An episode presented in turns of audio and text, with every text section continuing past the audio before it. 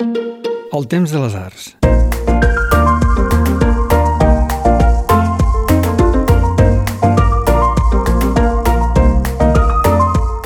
Hola i benvinguts a la reserva del Temps de les Arts. Avui, des del Santuari de la Mare Déu de Montserrat de Montferri, obra de Josep Maria Jujol, a Moriol Pérez de Tudela. Comencem.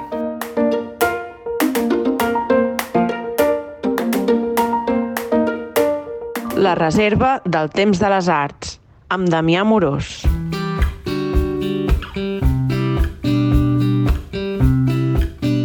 Oriol Pérez de Tudela, què tal? Bé, Sí? molt bé. Escolta'm, uh, avui a la reserva et portem a un lloc. Avui hem sigut nosaltres. No sé si t'animaries a dir-ho on som i, i descriure. Ah, sí, home, i tant. El santuari de la Mare de Déu de Montserrat de Montferri, que és aquesta, aquesta joieta que va fer Jujol,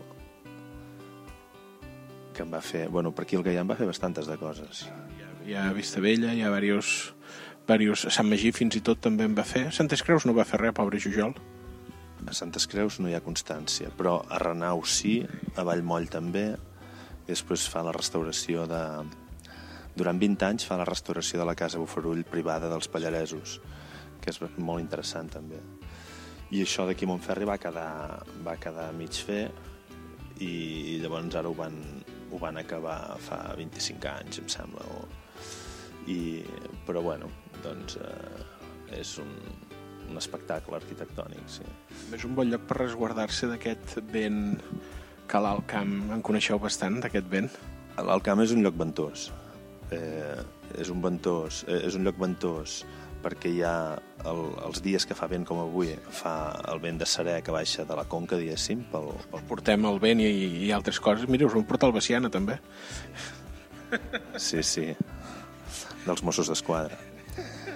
Doncs eh, sí, baixa el, el serè de la conca, bueno, són aquests vents d'interior que baixen acanalats, no? que potser a la banda de Reus en diuen més mestral. I després hi ha l'altre vent, que és diari, que és aquest lleuger, que és la marinada. I això eh, té efectes sobre la vinya, efectes molt particulars sobre la vinya de- d'aquesta zona, perquè els vents de, Sobre la vinya i sobre les persones també veiem, no? sobre la vinya i sobre les persones, però sobre les persones eh, eh, el vent fort és, és molt ocasional. El vent, el vent de, de muntanya, diguéssim, el serè, és molt ocasional. Fa, són quatre dies ventosos. Mentre que la marinada, que és molt lleugera, eh, a nivell afecta poc a les persones perquè és, és pràcticament imperceptible. És un element refrescant i és diari. Llavors, La marinada, és, eh, sobretot a l'estiu, és d'aquells vents que s'aprecia d'una forma extraordinària. Clar, a la conca s'aprecia molt perquè és un element de refresc a la tarda, no? Aquí estem tan acostumats, comença a les 12, Us arriba abans? Us arriba abans? arriba a les 12 i fins a les 5 de la tarda hi ha marinada. Però és mm, molt lleugera. Llavors és constant i lleugera. I és un aire de mar. Això té un efecte tant sanitari perquè ventila la vinya, com un efecte que, bueno, que hem posat una mica en circulació darrerament, que és que hi ha un efecte de, salini, de salinitat sobre els ceps i sobre el raïm. Amb, amb l'aire ens arriba la sal, doncs? És, especulem que sí. Espe- Especulem que, amb, que aquest aire marí eh, queda una mica doncs, depositat sobre els ceps i que acabem trobant molta salinitat en la majoria dels vins. I en la veritat que es nota més perquè és més auster aromàticament és amb el macabeu. Perquè amb el cartoixà aquí a Tarragona del xarel·lo se'n diu cartoixà. Amb el cartoixà eh, que n'hi ha molt menys com que té notes cítriques és potser una mica més difícil d'identificar. Ho notes més quan tastes tots els vins de la zona i, i veus que hi ha un fons, un fons repetit de, de salinitat, no? en uns més marcats que en altres, però que és un fons repetit, és a dir, és marca territorial. Hem anat directament a parlar de la vinya i potser algun dels nostres oients dirà com és que l'Oriol Pérez de Tudela ens parla de la vinya. Qui és l'Oriol Pérez? Perquè, clar, si es posen a internet i busquen, potser trobaran filòsof i llavors dius, ostres, o oh, què ha passat aquí? També potser negociant de vins, que això m'ha agradat molt. Aqu... Jo m'han fet recordar molt aquells negociants de principis de segle, finals del 19, principis del 20, que fins i tot a les seves cartes, com veus allò a l'arxiu, negociar de vins. Sí, bueno, negociant de vins és una categoria comercial que a França està molt establerta i, i, i que té molt de reconeixement, que és algú que coneix una zona i fa comerç amb el vi i aporta eh, el, el conjunt de l'estructura del canal comercial, perquè perquè fa, doncs, eh, té una reputació, fa bé les coses i, i bueno, un... Entén de l'ofici.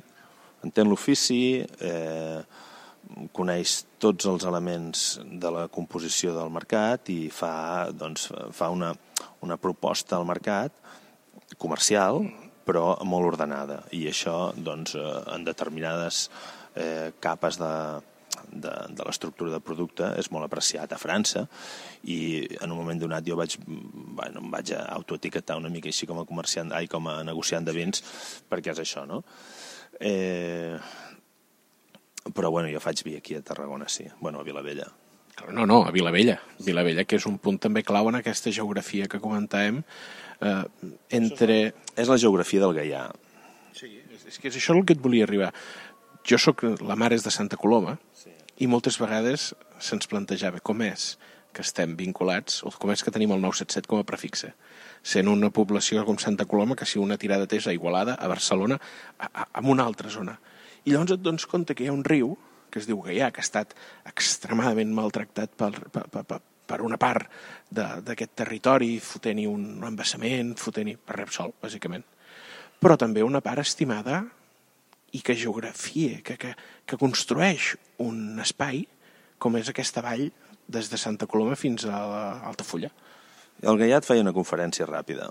Eh, és molt interessant. Mm, per començar, és un curs fluvial mediterrani de 70 quilòmetres, molt curt, que neix eh, pràcticament a 1.000 metres d'alçada, 900, i se'n va amb aquests 70 quilòmetres a zero. És a dir, que és un curs ràpid amb una gran baixada. Eh, al principi moltíssim, perquè baixa de la muntanya i baixa, diguéssim, fins a Santes Creus, que és el lloc on es va establir el Cister, abans de, abans de Poblet i de Vallbona. El primer establiment és a Santes Creus, que fa una, bueno, aquesta ordre eh, doncs fa una elecció política, però també orogràfica i també eh, doncs, agrícola. No? Fa una elecció molt determinada. El Gaià, en aquest punt, és un, és un riu petit, eh, quasi torrencial, hi ha èpoques de l'any eh, sequeres a banda que, que, que, que és sec, però el Gaià és un congost, un congost molt estret. Això... No, falta anar a Santa Perpètua i veure aquell meandre que fa, impressionant. Meravellós, sí. És un congost molt estret que per això va ser eh, frontera i durant 300, 300 anys va ser frontera entre bueno, la, la disputa entre àrabs i sí, sarraïns i, i, i cristians i per això hi ha tantes torres de guaita i tants castells en ruïnes. Sí, a dia d'avui la majoria trinxats. Quasi tots, bueno, menys els que estan en pobles i s'han reconstruït, com a Santa Coloma o com, a, o com el Catllà, a Rodonyà, el Catllà... O... Que també tot era terreny dels Caral tota aquesta zona dominada per ells, amb el curs alt i el curs baix, no? Torredembarra, totes aquestes poblacions que tenen un nexe d'unió, que és el Gaià. És el Gaià, és aquesta frontera natural que va quedar establerta. Per això aquí a Montferri hi ha, per exemple, també aquesta torre de guaita musulmana, la torre de Montferri. Bueno, és, eh, és un curs ràpid, de poca aigua. Hem d'imaginar uns ràpids com els del Pirineu, no, no és per baixar al contrari en barca ni, ni, ni fer raid, sinó és això que deies, un, en algun moment un rierol fins i tot. Un rierol en algun moment, hi ha, ara mateix hi ha un... s'ha anat reconstruint el camí, es pot transcórrer a, a nivell d'excursionisme, doncs, molt, molt agradable.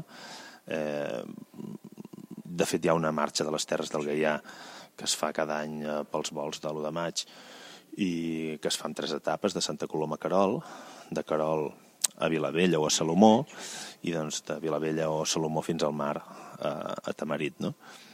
que és Tamarit, que és municipi de Tarragona. Sí, sí. I, i que hi ha el castell, allí a tocar l'aigua. Mm, extraordinari.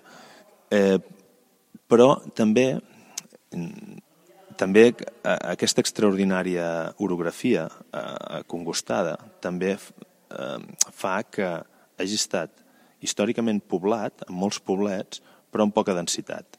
És dir, jo vaig comptar, sí. jo vaig comptar que eh, vaig comptar que en total, en tot el curs del Gaià hi ha 22.000 persones només.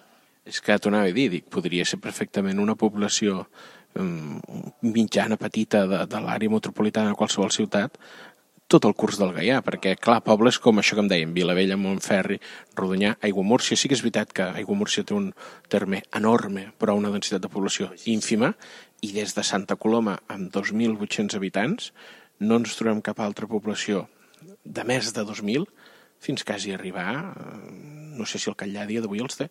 Sí, el Catllà sí que els té, crec que sí. Vilarrodona, que és una població important en molts sentits, 1.200. Vull dir, hi ha molts, hi ha molts pobles al voltant de, del, del riu, és, una, és un eix de comunicació històric en tots els sentits. Clar, eh, Santes Creus és, és, és, és un factor. Centre espiritual, podríem dir. Centre, és el centre, però, però hi és, per, hi és perquè, perquè formava part d'aquest eix, no? O sigui, s'estableix allí perquè és un eix interessant.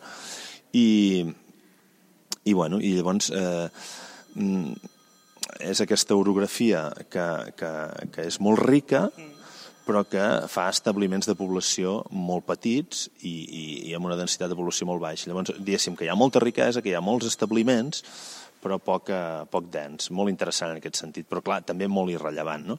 I aquest congost, i aquest congost fa que, per exemple, hi ha, travessen el Gaià dues infraestructures històriques, que són les dues línies de ferrocarril. Clar, hi ha un munt de túnels. A la vegada, no hi ha cap altra infraestructura d'aquest tipus perquè és molt car i durant el segle XX no se n'han fet d'infraestructures d'aquest tipus. És a dir, per exemple, no hi ha carreteres importants. Eh... No, no tenim un eix del Gaià.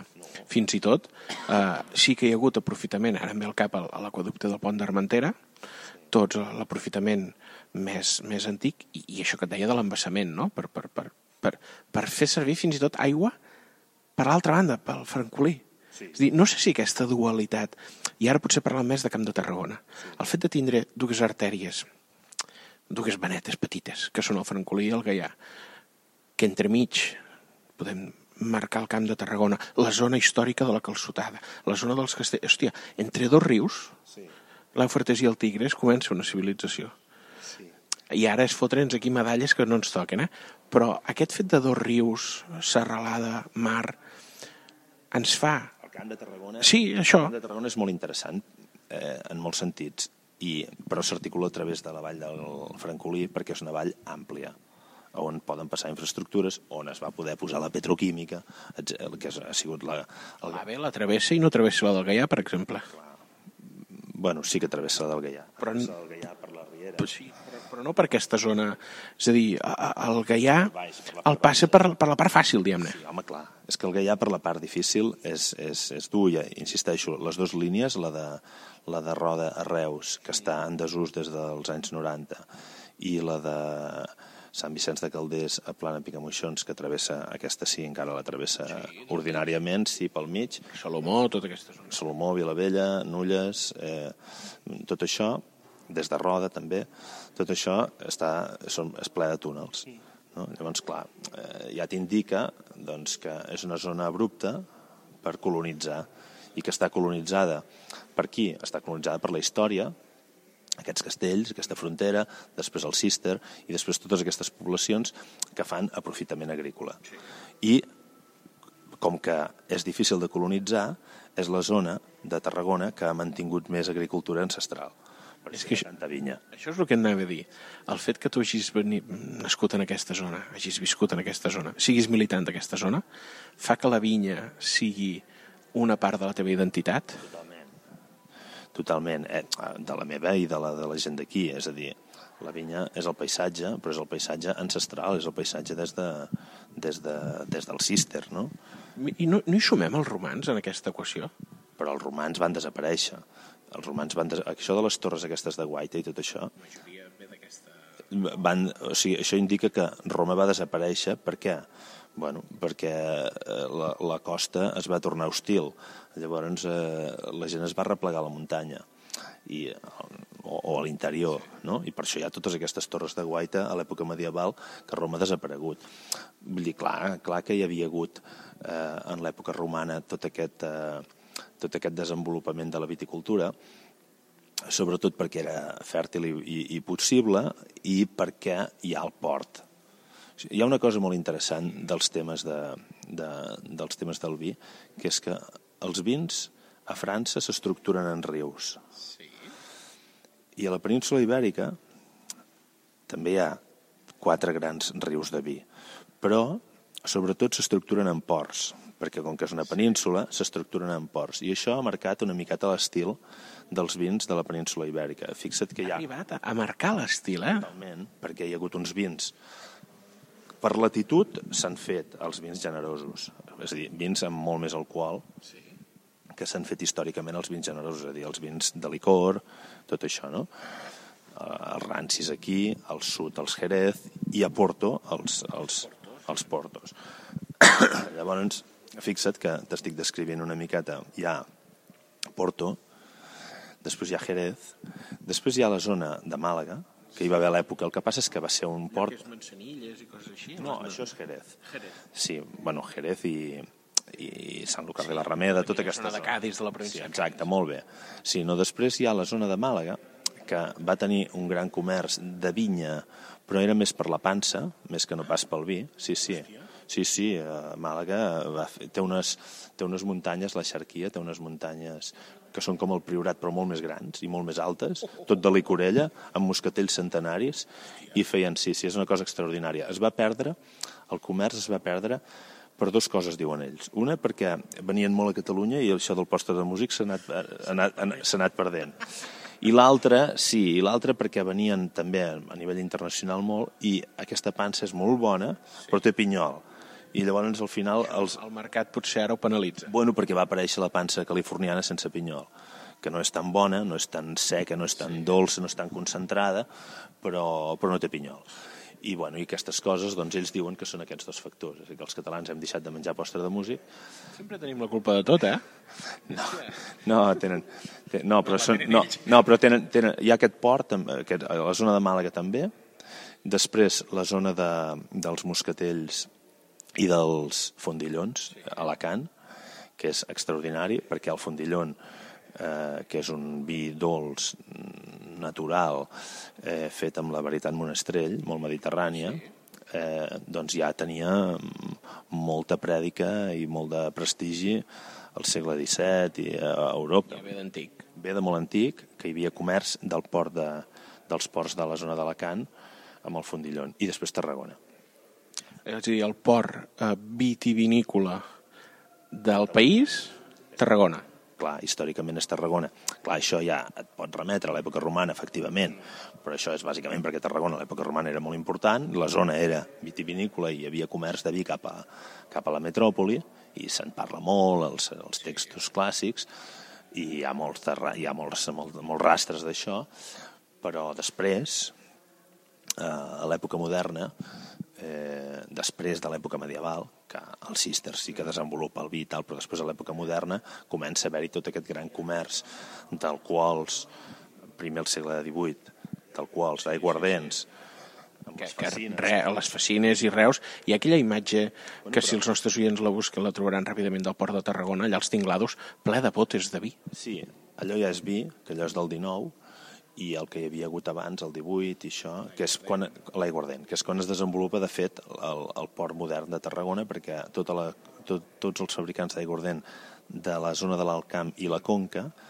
aposten pel port de Tarragona, perquè hi havia una disputa si el port havia de ser Tarragona o Salou, i els de Reus apostaven per Salou. Bueno, volien el seu canal i tot. Sí, Sí, però bueno, en un moment donat, doncs, al final, doncs, es desenvolupa de forma moderna el Port de Tarragona a través del vi. Avui, clar, el Port de Tarragona és important per altres coses, no? Però... El gra, moltes vegades. Però més, el, el, aquest... Com productes alimentaris, però clar, sí, també... Per animals, també. També, però clar... Cotxes. Sí, sí. Però clar, el fet de que tot aquest eh, vi, producte, s'hagi de transportar, s'hagi de manufacturar, s'hagi de fer una cosa, també implica que aquí hi hagi un esforç al voltant. I ara em ve al cap, per exemple, el carro de quatre bocois, de Serral fins a Valls, de Valls cap a Tarragona. És a dir, l'enginy d'aquesta gent en treballar aquests productes. Sí, sí, no, home, tot el, tot el transport eh, és un factor important, però, però eh, t'he volgut insistir en això dels ports, com el port de Tarragona, que és el que ens marca a tots nosaltres, però t'he volgut insistir en això dels ports perquè els mitjans de, la, els mitjans de transport a, a la península eren, eren deficients, perquè tampoc hi ha grans rius navegables.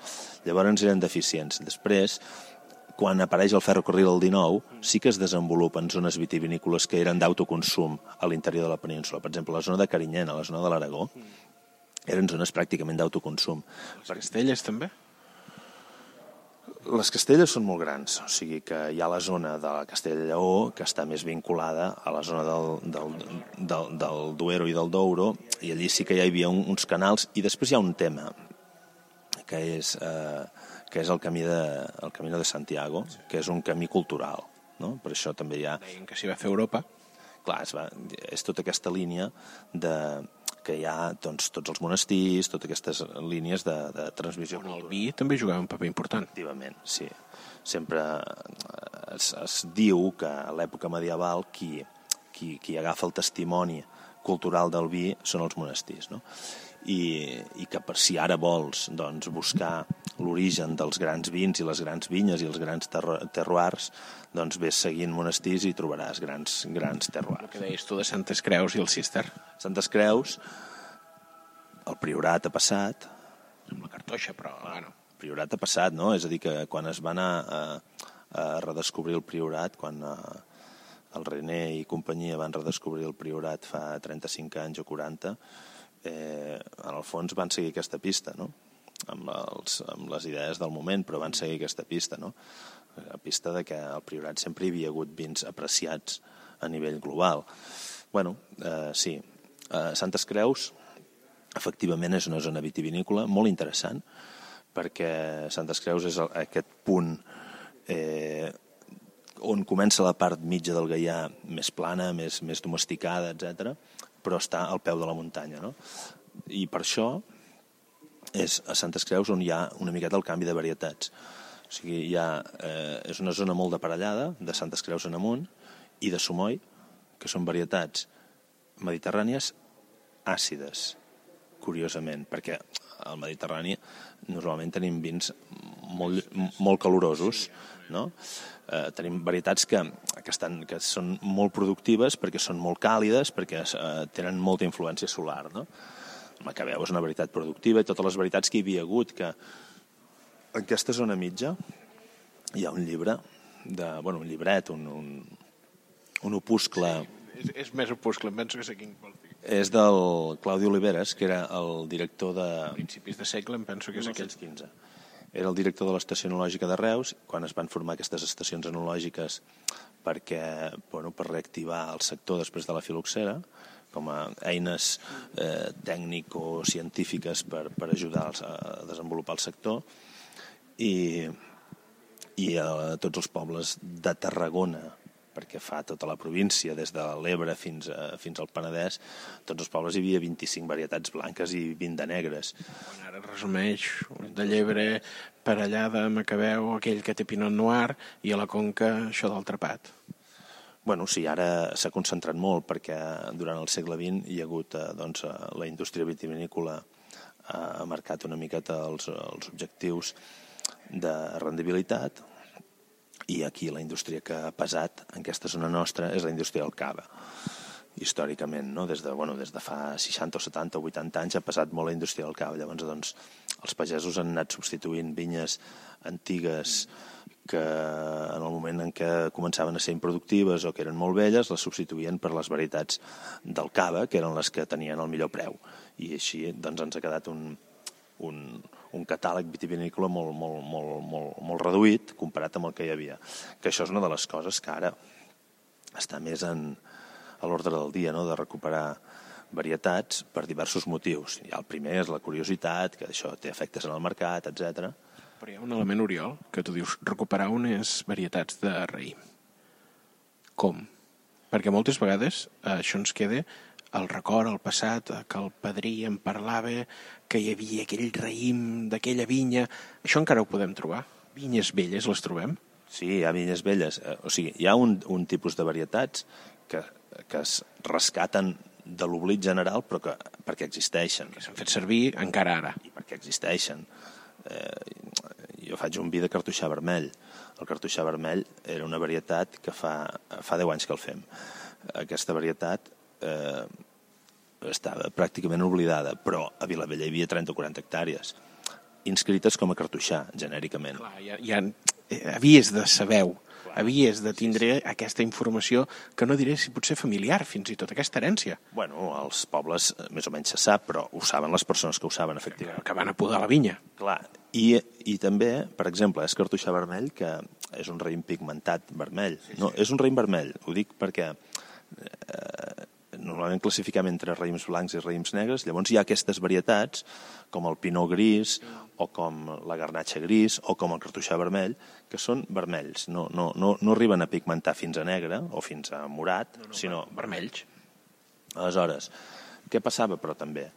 Que moltes vegades, amb, amb, amb voluntat de produir eh, vinya, molts quilos, aquest, aquests raïms pig- pigmentaven molt poc, amb la qual cosa això també s'estava oblidant, el seu color també s'estava oblidant. La mateix, el mateix xep, amb, amb la seva edat, ens, ens, ens tapava el seu color original. bueno, eh, sobretot l'estil de viticultura, no? O sigui, una, una viticultura d'alt rendiment feia que, que, que, que la pigmentació fos molt més baixa. Hi ha parellades, per exemple, a la Montonega, que en diuen, que, que, que pigmenta i que si l'agafes molt madura eh, està vermellosa. És un vermell que és propi d'aquests clons de parellada antiga, però que després, eh, si ho proves de vinificar, no es transmet eh, aquest... No arriba la pigmentació al producte. No arriba al vi. En el cartoixà vermell sí. Bueno, aquestes varietats, n'hi ha algunes altres. Per exemple, el vinyater. Eh, n'hi ha, unes, n'hi ha unes quantes que estan, estan per aquí, que en queden... Que hi són. Que hi són, que hi ha molt poques vinyes. I després ja hi ha altres varietats que aquestes, si estan documentades, després eh, hi ha bancs de llavors, a Madrid hi ha un banc de llavors, eh, que ara doncs, eh, s'ha localitzat una llavor d'una varietat que es diu tarragoní. Clar, això és molt bonic. Preciós el nom, eh? Clar, imagina't, no? Una varietat que evoca... Curiosament, és de Tarragona. Sí, que és tarragoní. Aquesta varietat estava perduda, abs- absolutament, vull dir. Això sí que no en tenim ni una hectàrea, ni un cep, ni una vinya. Eh? No hi havia res en lloc que se sàpiga. I al final s'ha fet germinar de llavors d'aquestes d'aquest banc de llavors. Altres varietats, per, altres coses, per exemple, doncs a Costers del Segre estan desenvolupant eh, la varietat trobat. Directament així? Batejada de nou? Trobat, es diu trobat, aquesta varietat. N'hi havia hagut molt, al Camp de Tarragona n'hi havia hagut molt eh, fins al 1915 o 1920, i, i llavors hi ha el trobat blanc i el trobat negre, però, per exemple, coses que et pots... Eh, que, que, que passen amb, amb aquesta varietat. Doncs, eh, hi ha alguna vinya que han recuperat, però a la vegada, per exemple, a Sardenya n'hi ha.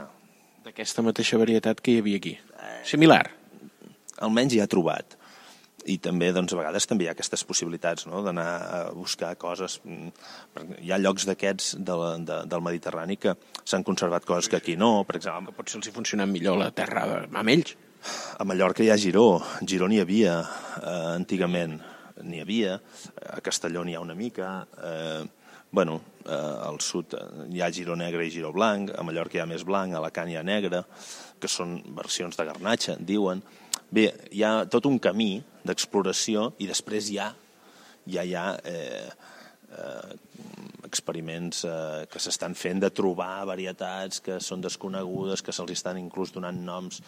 Eh, sí, perquè, clar, Això també és part de màrqueting.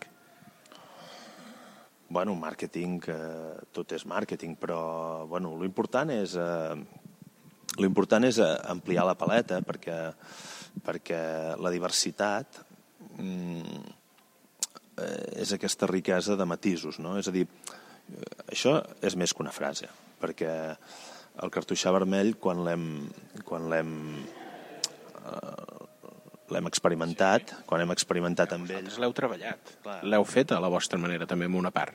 Eh, clar, hem fet eh, tota una experimentació de diverses, diversos estils de vinificació, eh, diversos materials de criança, diverses viticultures, per anar trobant eh, quin és una miqueta el seu ADN, no? I descobreixes matisos que potser mai ningú els havia conegut. Per què? Perquè eh, la funció de la vinya fa 100 anys era fer diferent. I ara descobrim matisos organolèptics perquè avui el vi és una altra cosa, avui el vi és més un, un contenidor de significats que en la majoria són culturals, però també de gust i organolèptics, i, i clar, en aquest eh, contenidor hi ha un munt de peces que d'alguna manera estem com analitzant, descomposant, com si estéssim doncs, eh, d'alguna manera deconstruint per tornar eh, a caçar quin és el seu, el seu tret distintiu. No? Llavors, que ens, ens trobem coses molt boniques, com que hi ha efectes botànics sobre aquestes varietats, eh, ara es, es parla molt de, dels efectes de resistència al canvi climàtic de les varietats autòctones, que efectivament, però... Que hi són. Que hi Sí, són. clar que hi són, perquè són varietats que fonamentalment hi eren perquè estaven ben adaptades a un clima sec, Que és el d'aquí. que és el d'aquí. Ara més extrem, però que estaven adaptades a un clima sec. Aleshores, la gràcia és, a més a més, trobar aquests matisos organolèptics que ens obren, eh, ens descobreixen tot, tot de potencials aromàtics autòctons i que, per tant, lliguen amb tot el nostre paisatge. No? És a dir, si hi ha elements de frescor amagats en determinada botànica que es transmeten en aquestes varietats, doncs aquests elements de frescor en una, en una zona seca i àrida com la nostra, doncs eh, són virtuts, no? Ara potser és una frase una mica de, de Xavi Norriguis, però estem embotellant el paisatge. Ah, Això és una frase, sí, però, és, però, però sí, efectivament. Bueno, el paisatge, què és el paisatge? El paisatge al final també el pots fer tu la teva manera, perquè estem aquí, Jujol va fer una peça dins del paisatge. Clar, el paisatge es construeix, no? Es construeix a base d'identificar eh, elements que, que, que per nosaltres són significatius, no? És dir, al final fem un enquadrament i diem aquí jo, jo, tinc, jo, jo tinc eh, unes muntanyes, tinc el mar, tinc una sinuositat determinada i tinc unes, uns aromes determinats i una salinitat que me la projecten els vins, etc etc etc i al final, d'alguna manera, amb, una, amb un acte de somnolència, tu podries dir és que jo eh, eh, ara sé on soc, no? Sí, amb els ulls, mig, amb els ulls mig tancats, amb, tot aquest, amb tots aquests factors, jo sé, sé on soc. Això ja és, ja és després d'alguna botella, potser també. Potser, potser. Però, eh, però, però, eh, sí, però el paisatge el construïm. I, i el construïm doncs, quan identifiquem mirades. Això, bueno, els pintors, els poetes han fet paisatges. No? I, el, I els pagesos en són constructors. Els pagesos, O mantenidors, no ho sé. els pagesos són mantenidors, som mantenidors del terreny. I, i el que passa, perquè aquesta és una, una peça una mica important, no? Els pagesos són mantenidors del terreny. O sigui, per, per, per ús utilitari, sí, sí. Eh, ancestralment s'ha domesticat el terreny. Per exemple, els marges de pedra seca, no? No és res més que contraforts que, que preses de la terra. per poder utilitzar aquella terra, Els catalans de les pedres en fan pans. per poder utilitzar eh, una muntanya, en alguns llocs hi ha vinyes de coster, però per poder utilitzar la muntanya doncs es fan eh, terrasses, abancalaments, per poder utilitzar millor aquella muntanya. No? Clar, això són modificacions del terreny que amb el temps algú hi troba un signe d'identitat. I, I ara mateix s'han arribat a patrimonialitzar les barraques de pedra seca patrimoni de la humanitat, imaginem. Clar, És, que és, és una cosa bastant curiosa, això de les barraques de pedra seca. Jo, si pogués, en tindria una. un dia te n'he d'ensenyar una. Una que tenim a Serral d'aquestes de foto. Bueno, eh, a Serral deu ser, com que teniu la pedra més quadrada, diguéssim, Serral la pedra és dolenta. La pedra Serral és escardarosa i és dolenta. Si pugéssim a Passanant, a Forès, això, allà fots un cop de roc i et surt un carreu. Però bueno. Oriol, estem quasi fora de temps. Uh, sempre fem la mateixa pregunta abans d'acabar. Jo vull fer una puntualització. No hem parlat de castells. Bueno, Que podríem fer un altre episodi, em penso, amb tu de castells. bueno sí, sí, ja el farem. Ja el farem. I el podrem fer amb, amb amics que, que ens haurem de trobar aviat. On et podem trobar? Home, jo voltant pel món, però a Vilavella. Jo sóc originari de Valls, però em vaig instal·lar a Vilavella eh, amb, aquesta, amb aquesta vocació de, de, de trobar un lloc per fer vi. I sí, sí, i és, un, bueno, és aquesta part mitja del Gaià Vilavella, està encimballada. Sí. És dels pocs pobles d'aquesta zona que està així. I toca el riu, vull dir, és això. Avui hem anat a Montferri, que està a l'altre costat, estem tots dos a 240 metres, ens mirem, Montferri i Vilavella, s'hi pot anar a peu en tres quarts d'hora, eh, travessant el riu, sí. i tots dos som dos pobles de riu, no? perquè hi ha pobles que estan al mig, de, al mig del camp, no? I el riu passa pel terme. Exacte. Però clar, sí, sí, però aquests són pobles de riu. Doncs, Oriol, si t'hem de trobar, trobarem a Vilavella. Moltíssimes gràcies. I gràcies també als nostres oients que saben que poden recuperar aquest i tota la resta de capítols de la reserva del temps de les arts a les plataformes. No sé si ara vins també en podem trobar per plataforma, Oriol. Sí. Sí, no? Sí, podem trobar vins per plataformes gros, eh? Sí.